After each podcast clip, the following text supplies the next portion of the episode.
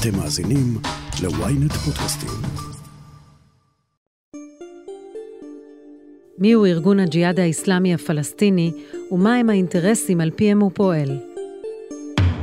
אני שרון קידון, וזאת הכותרת.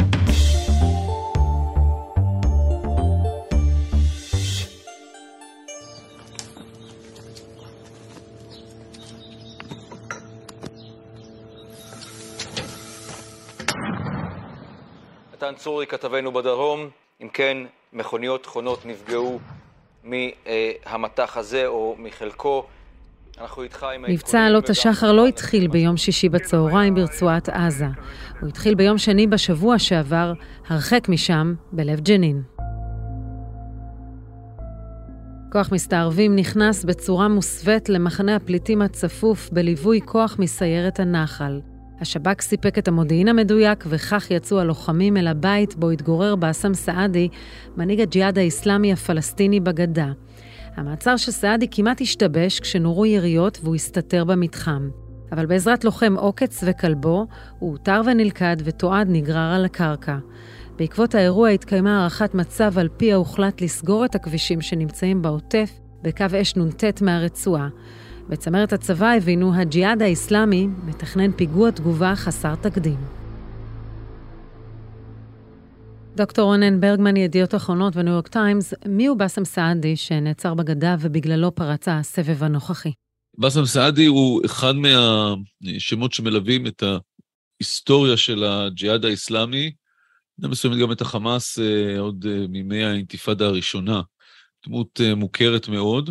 יש רואים אותה כאחד מהגשרים המרכזיים שבין הג'יהאד האיסלאמי בגדה לבין הג'יהאד האיסלאמי ברצועת עזה, ואחד מהניסיונות, או דרכו אחד מהניסיונות המרכזיים לחבר את שני הארגונים, או שני חלקי הארגון, כפי שאנחנו רואים עכשיו, מעצרו בגדה מוביל לפחות כפי שהג'יהאד מציג את זה, למלחמה או להתלקחות האלימה בעזה. זה אחד הדברים שמאוד מאוד חשובים גם לג'יהאד וגם לחמאס, זאת אומרת, לנסות ולייצר איזשהו סוג של הרתעה. אם משהו קורה בגדה, להם יש את היכולת להגיב אה, בעזה ולעצב ככה את חוקי המשחק, לא רק בעזה, אלא גם בגדה. באסם סעדי פילה חלק גדול משנותיו בכלא הישראלי, לפחות פעם אחת גם היה יעד לניסיון חיסול באינתיפאדה השנייה, והשאלה שנשאלה לפני שהחליטו עכשיו לעצור אותו היא האם זה עלול להוביל להתלקחות גדולה יותר, או אה, אולי יכול לסכל לפחות חלק מהתכנונים והידיעות המודיעיניות שהגיעו בשבועות האחרונים לישראל, שהג'יהאד מתכנן משהו. מתכנן משהו עוד לפני שעצרו את סעדי, כלומר שבעצם המעצר הזה משחק לג'יהאד, או משמש לו איזשהו סוג של אמתלה ותירוץ כדי לנסות ולהעביר את השטח. ואני יכול לומר לכם, מהשעות האחרונות ביצענו סיכול נוסף של מפקד המרחב הדרומי של הג'יהאד האיסלאמי הפלסטיני. סיכול חשוב מאוד, שלפי כל הנתונים שבידי, אני לא יכול לומר בוודאות, אבל לפי כל הנתונים שאני מחזיק כרגע, פגענו בו, הוא סוכל יחד עם נוספים, ובעצם כל הצמרת הביטחונית של הזרוע הצבאית של אג"ב ברצועת עזה סוכלה. מה משמעות חיסול המנהיגים של הג'יהאד האיסלאמי הפלסטיני בעת הזאת, במבצע הנוכחי? זאת, אה, אני חושב, אה, שאלה שנוגעת לחלק מרכזי בתפיסת הלוחמה הישראלית נגד הארגונים הג'יהאדיסטיים, החמאס והג'יהאד בשטחים והחיזבאללה בלבנון. במידה שימוש בסיכול ממוקד. האם פגיעה ממוקדת באנשים החשובים בארגונים האלה יכולה להביא לשינוי משמעותי בתוצאות הלחימה איתם? אה, נדמה לי שברמה הטקטית הפגיעות האלה הוכיחו את עצמם שוב ושוב כבעלות השפעה ניכרת. ברגע שאתה פוגע, ב, למשל, הבוס לשעבר, זה שג'אבר ירש אותו, באייל עטה, כשישראל פגעה בשייח' יאסין, כשישראל פגעה בעימאד מורניה, האנשים האלה מנהיגים, אם ברמת הצבאית, אם ברמת השטח ואם ברמה הגבוהה יותר, אבל צריך להסתכל גם על התפיסה הכוללת יותר, ולומר שאין ספק שהארגונים האלה שפוגעים במישהו כמו ג'אברי, בטח כשזה מתחיל סיבוב לחימה, בטח כשזה מפתיע אותם, בטח כשישראל לוקחת את היוזמה, לדבר הזה יש משמעות גדולה. אבל האם בסופו של דבר זה שינה משמעותית את ההיסטוריה של הג'יהאד האיסלאמי? האם זה, ודאי, חיסל את הג'יהאד האיסלאמי? האם זה חיסל את החמאס? האם זה קיצר את הרווח, או האריך את הרווח בין סיבוב הלחימה הזה לסיבוב הלחימה הבא? זה דבר שהייתי ככה שוקל אותו בקו חומטין, לא בטוח עד כמה באמת הדברים השפיעו על ההיסטוריה והפכו נגיד את העולם למקום בטוח יותר לאורך זמן, בטח בטווח הקצר, אבל בטוח יותר לאורך זמן ביום שאחרי.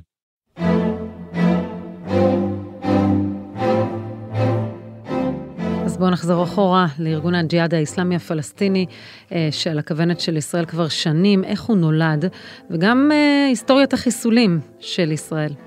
הארגון של אה, הג'יהאד האיסלאמי הפלסטיני, וצריך להגיד, המילים הג'יהאד האיסלאמי זה מינוח שהשתמשו בו שורה ארוכה של ארגונים, גם שיעים, זאת היחידה הצבאית הסודית של חיזבאללה שקראה לעצמה בפיקודו של אותו אימן מוניה שהזכרתי קודם, זה גם מינוח שהשתמשו בו בג'יהאד העולמי, וזה גם מינוח שכשפתחי שקקי ב-1981 הוא חוזר לעזה, ואחרי קריירה קצרה מאוד כרופא ילדים, הוא מקים, פתחי שקקי בעזה, את הארגון הקטן והסודי שלו, הייתי אומר, משהו שהופך די מהר לתחרות מול השייח' אחמד יאסין, שמקים במקביל את החמאס. זו תחרות, אבל זה לא אותו דבר. בעוד שהשייח' יאסין, לאורך הרבה מאוד זמן, אמר שקודם כל צריך פעילות חברתית, דתית, פוליטית, ורק אז ג'יהאד, קרי מלחמת קודש בכוח נגד הכופרים, פתחי שקקי ועמיתיו אמרו הפוך. קודם כל מאבק צבאי, ורק אחר כך נעבור לפעולות חינוך ורווחה, דת וכל הדברים האלה. אה, שקקי נכנס ויצא מבתי כלא ישראלים עד שהוא סופית אה, גורש ב-1988.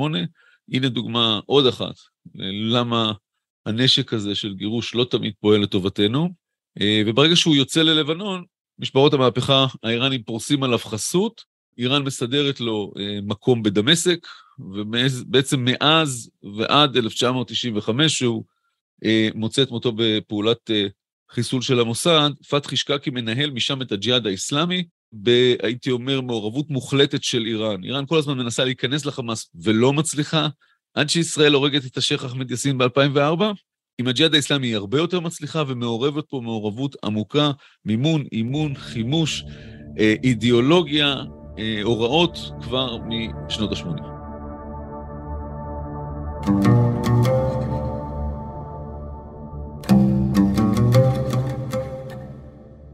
ישראל מנהלת שנים מדיניות חיסולים כלפי מנהיגי הג'יהאד האיסלאמי. אחד החיסולים המזהירים היה של פתחי אשקקי, מי שהיה אחראי על שורת פיגועים בימי אוסלו, ביניהם הפיגוע הכפול בצומת בית ליד בינואר 1995. (אומר בערבית: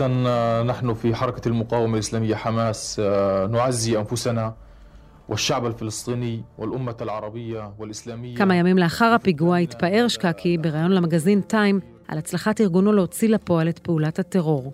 בעקבות כך נתן ראש הממשלה דאז יצחק רבין הוראה לחסלו.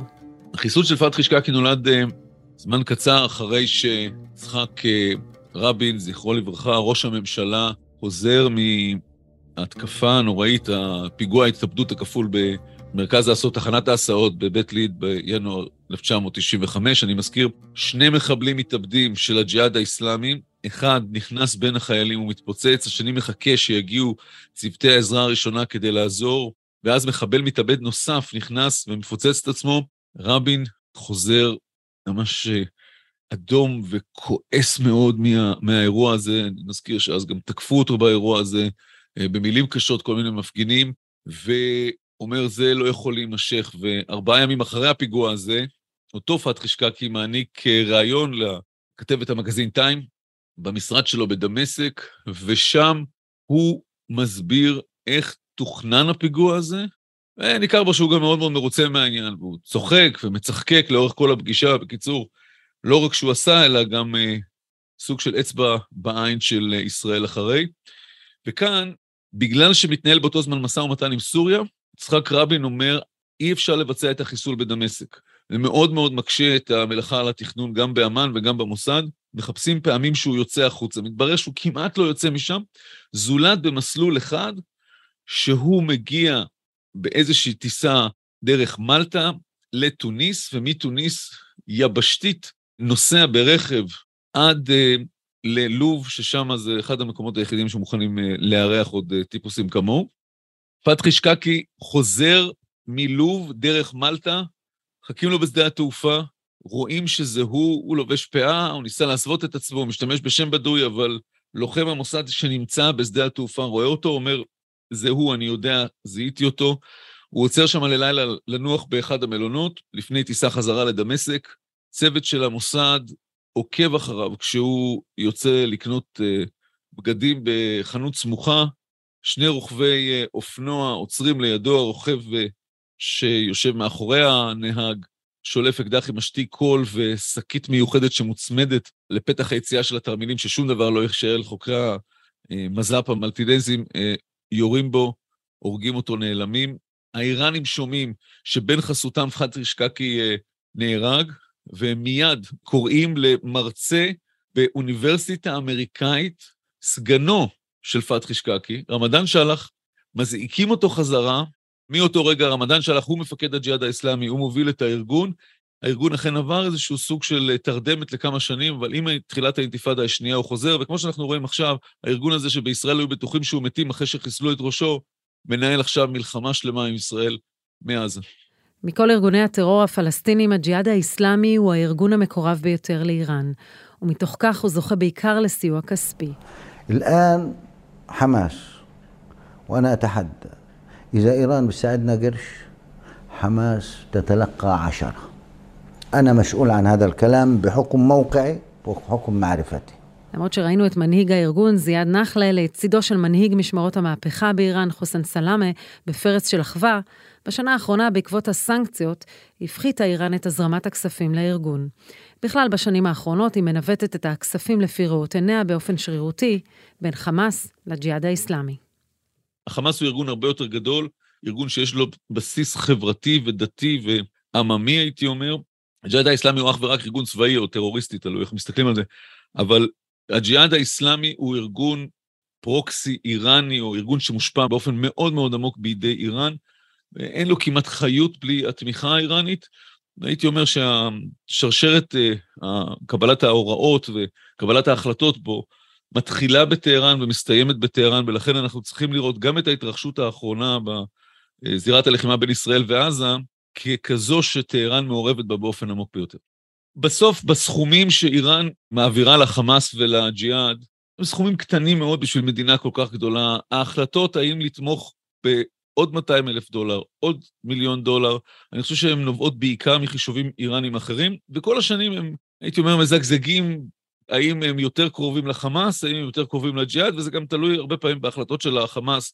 גם החמאס לא לגמרי חד וקונסיסטנטי לגבי היחס שלו לקבל את התמיכה ולפיכך את המעורבות האיראנית. הוא נטען שיש ירידה בתמיכה בג'יהאד האיסלאמי בשנה, שנה וחצי האחרונות, אבל צריך לומר, הטילים שהג'יהאד האיסלאמי יורה עכשיו על ישראל, גם טילי הנ"ט, אבל בעיקר הרקטות, הם תוצאה של, הייתי אומר, המשהום של עזה, זאת אומרת, להעביר את אה, עזה, את אותו תהליך שמשמרות המהפכה העבירו את החיזבאללה בלבנון, זה תוצאה ישירה של פעילות איראנית, ואלמלא האיראנים כל זה לא היה קורה לג'יהאד. מה האינטרס של הג'יהאד האיסלאמי הפלסטיני ושל איראן בהסלמה האחרונה? הודעה קצרה, ומיד נמשיך עם הכותרת. Ynet פלוס החדש עם הסיפורים הכי מעניינים ומיטב הכותבים. חודש ראשון בחמישה שקלים ותשעים בלבד. למצטרפים חדשים כפוף לתנאי השימוש.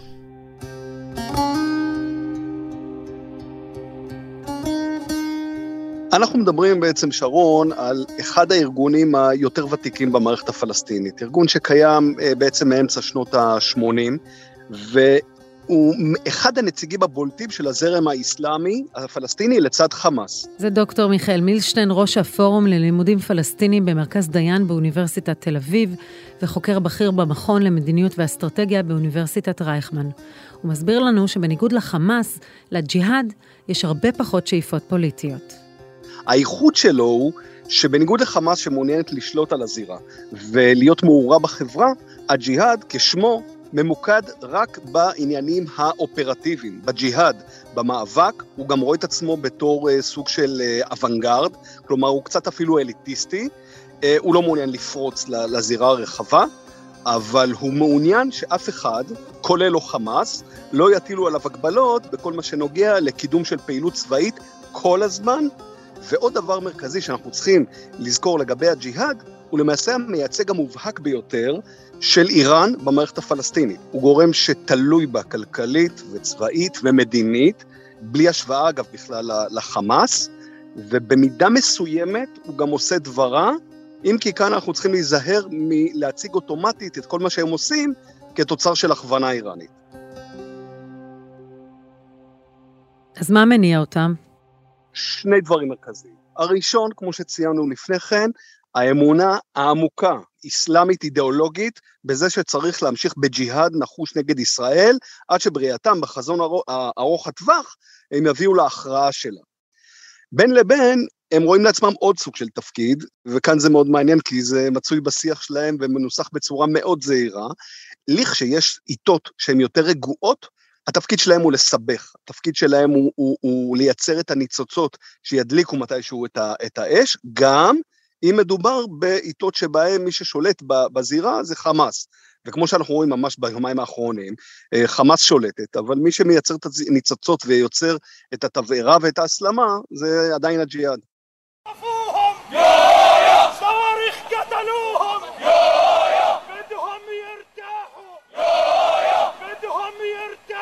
כדי להבין את יחסי הכוחות בתוך הרצועה בין החמאס לבין הג'יהאד האיסלאמי, צריך לצלול לעומק ולהבין את ההבדלים בין שני הארגונים.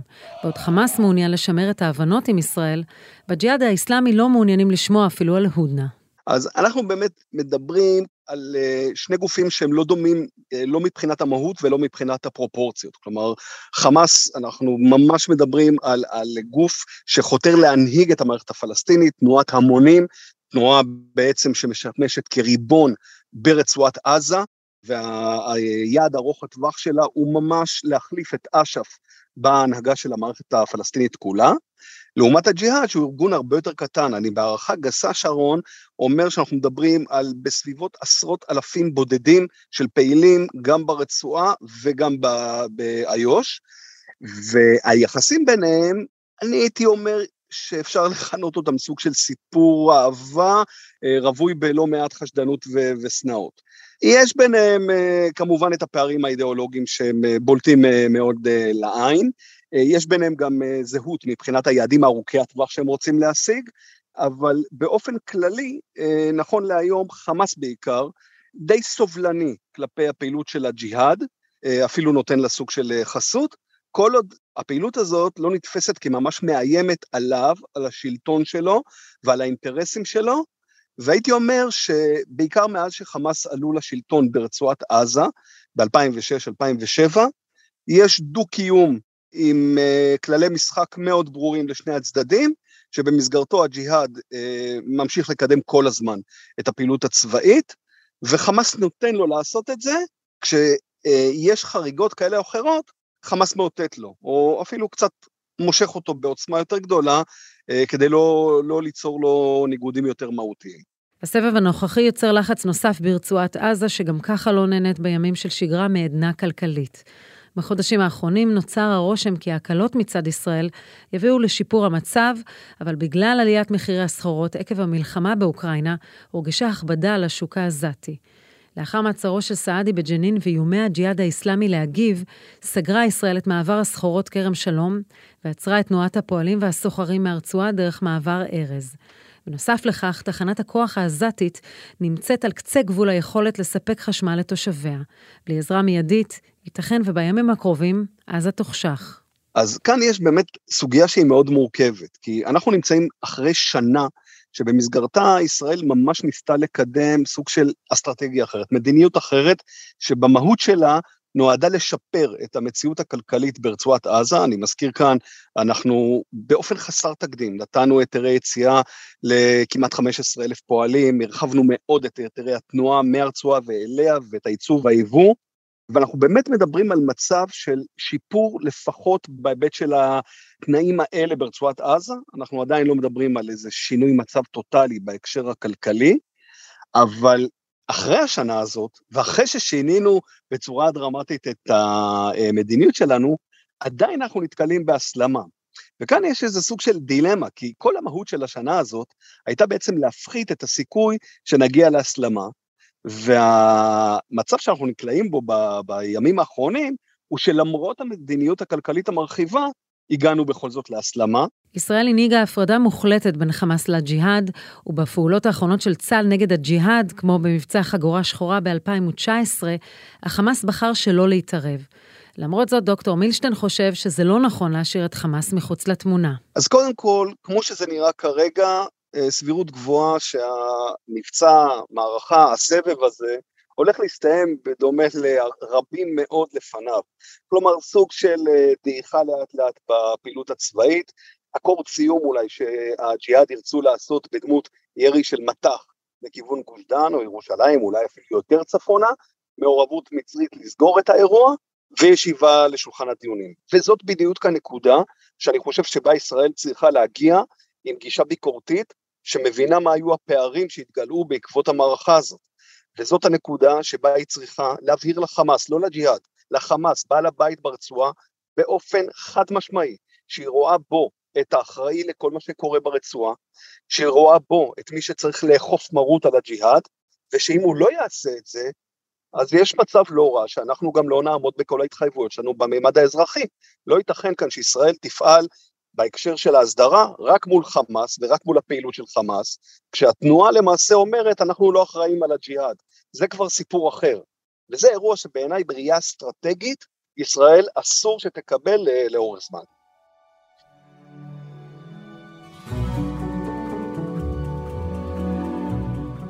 בחזרה אליך רונן, האם אנחנו יודעים להעריך מה האינטרס של איראן והג'יהאד האסלאמי הפלסטיני להסלים את המצב, כשבינתיים הוא סופג פגיעות ביכולות הצבאיות ומאבד בכירים כמו טייסר ג'אברי? יש על זה כל מיני ניחושים מה דווקא עכשיו. זה יכול להיות קשור בבחירות בישראל, זה יכול להיות קשור בניסיון להסיט את תשומת הלב מתבוסות של אה, משמרות המהפכה במאבק הצללים עם המוסד הישראלי במקומות אחרים. אני, אני לא יודע, אבל אני מעריך שכמו ש... בסבבי לחימה קודמים, נגיד עם החמאס, היה איזה מין רצון של הארגון ככה, איך נגיד את זה, to steer the pot, ל- ל- ל- לייצר איזשהו סוג של אנדרלמוסיה, בתקווה שכשהאבק ישקע, התנאים יהיו יותר טובים מבחינת uh, הג'יהאד. ויכול להיות למשל שירידת תמיכה מ- מאיראן, או איזשהו חישוב אחר, מהווים uh, בסיס לתקווה שאחרי העימות הזה משהו יהיה יותר טוב. אני לא בטוח שמבחינתם יש לה לתקווה הזאת איזשהו יסוד, כמו גם שאני לא בטוח שלתקווה מצד ישראל, שאחרי הסיבוב הזה המצב מול החמאס והג'יהאד בעזה יהיה יותר טוב, אלא אנחנו פשוט נידונו כרגע לעוד ועוד סבבים כאלה כל כמה שנים. דוקטור רונן ברגמן, תודה רבה. תודה. עד כאן הכותרת להפעם. אתם מוזמנים לעקוב אחרינו בוויינט או איפה שאתם שומעים את הפודקאסטים שלכם. אם זה קורה באפל או בספוטיפיי, אתם מוזמנים גם לדרג אותנו. ואם בא לכם קצת אסקפיזם, אתם מוזמנים להאזין לפרק שלנו על הצהרות בהייטק. עורך הפודקאסטים הוא רון טוביה, תחקיר והפקה טס גדות, עריכה וארכיון עם גיא סלם, על הסאונד עמרי יואב. אני שרון קידון, ניפגש בפעם הבאה, שמרו על עצמכם.